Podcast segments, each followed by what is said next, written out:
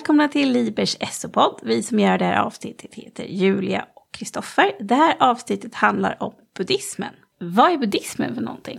Ja, buddhismen är en av världsreligionerna och det är en religion som kommer ifrån hinduismen och Indien. Men idag så är den inte störst i Indien utan i länder som Thailand, Burma och Tibet till exempel. Den grundades av en man som heter Siddhartha Gautama eller som han oftast är känd Buddha. Vem var då Buddha?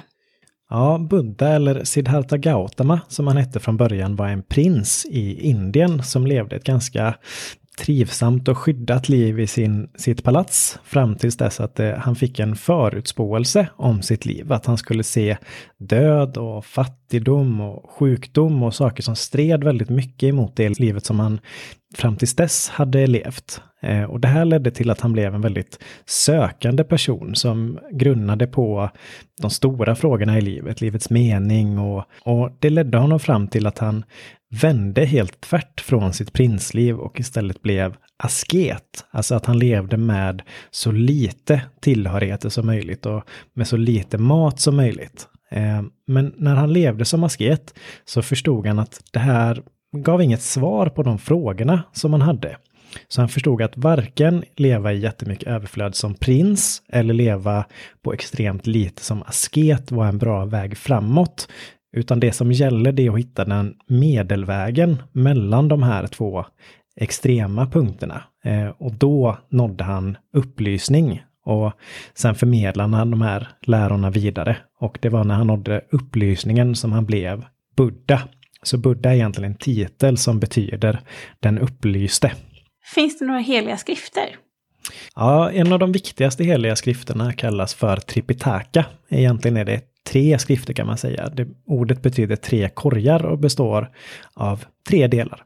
Den första delen handlar om hur munkar ska leva. Den andra delen handlar om den buddhistiska läran och den tredje delen handlar om hur den buddhistiska läran ska tolkas och är väldigt filosofisk. Vad är då läran?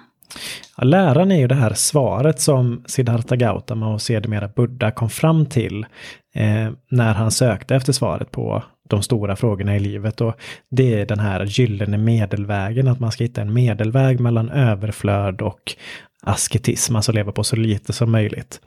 Och till hjälp för att hitta den här gyllene medelvägen så har man den åttafaldiga vägen som är olika livsregler. Till exempel att man ska ha rätt tal och rätt handlande och så vidare. Och den här läran då, den buddhistiska läran sammanfattas ofta i Buddhas fyra sanningar. Där den första sanningen är att allt är lidande.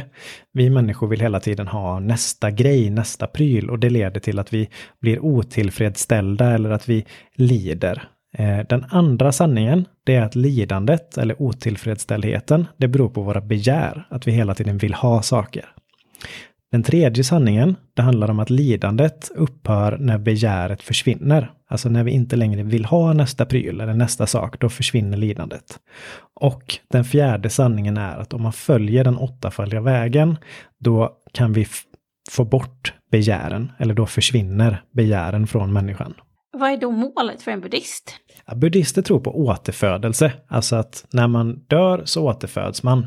Och målet det är att slippa den här återfödelsen och det kallas för nirvana. Eller ibland kallar man det för utslocknande. Och det gör man genom att följa de fyra sanningarna och den åttafaldiga vägen. Finns det några gudar då inom buddhismen? Kanske inte riktigt på samma sätt som det finns i de andra världsreligionerna. Inom en inriktning av buddhism som heter Theravada-buddhism så ser man mer på Buddha som en inspirationskälla eller lärare som kan visa en vägen till upplysning, men inte som en gud som kan hjälpa människor som lever här och nu. Inom en annan inriktning som kallas för Mahayana-buddhism tänker man sig däremot att man kan be till Buddha och man kan få hjälp av Buddha och andra som man kallar för bodhisattvor. Och det här är personer som skulle kunna nå nirvana men väljer att inte göra det för att kunna hjälpa andra att nå nirvana som lever här och nu. Ja, sammanfattningsvis så kan man alltså säga att buddhismen är en av världsreligionerna och den här religionen finns främst i östra Asien. Buddhisterna tror på återfödelse och målet är att slippa återfödas för att nå nirvana. Och för att nå nirvana ska man följa de fyra sanningarna och den åttafaldiga vägen. Tack för idag! Tack, tack!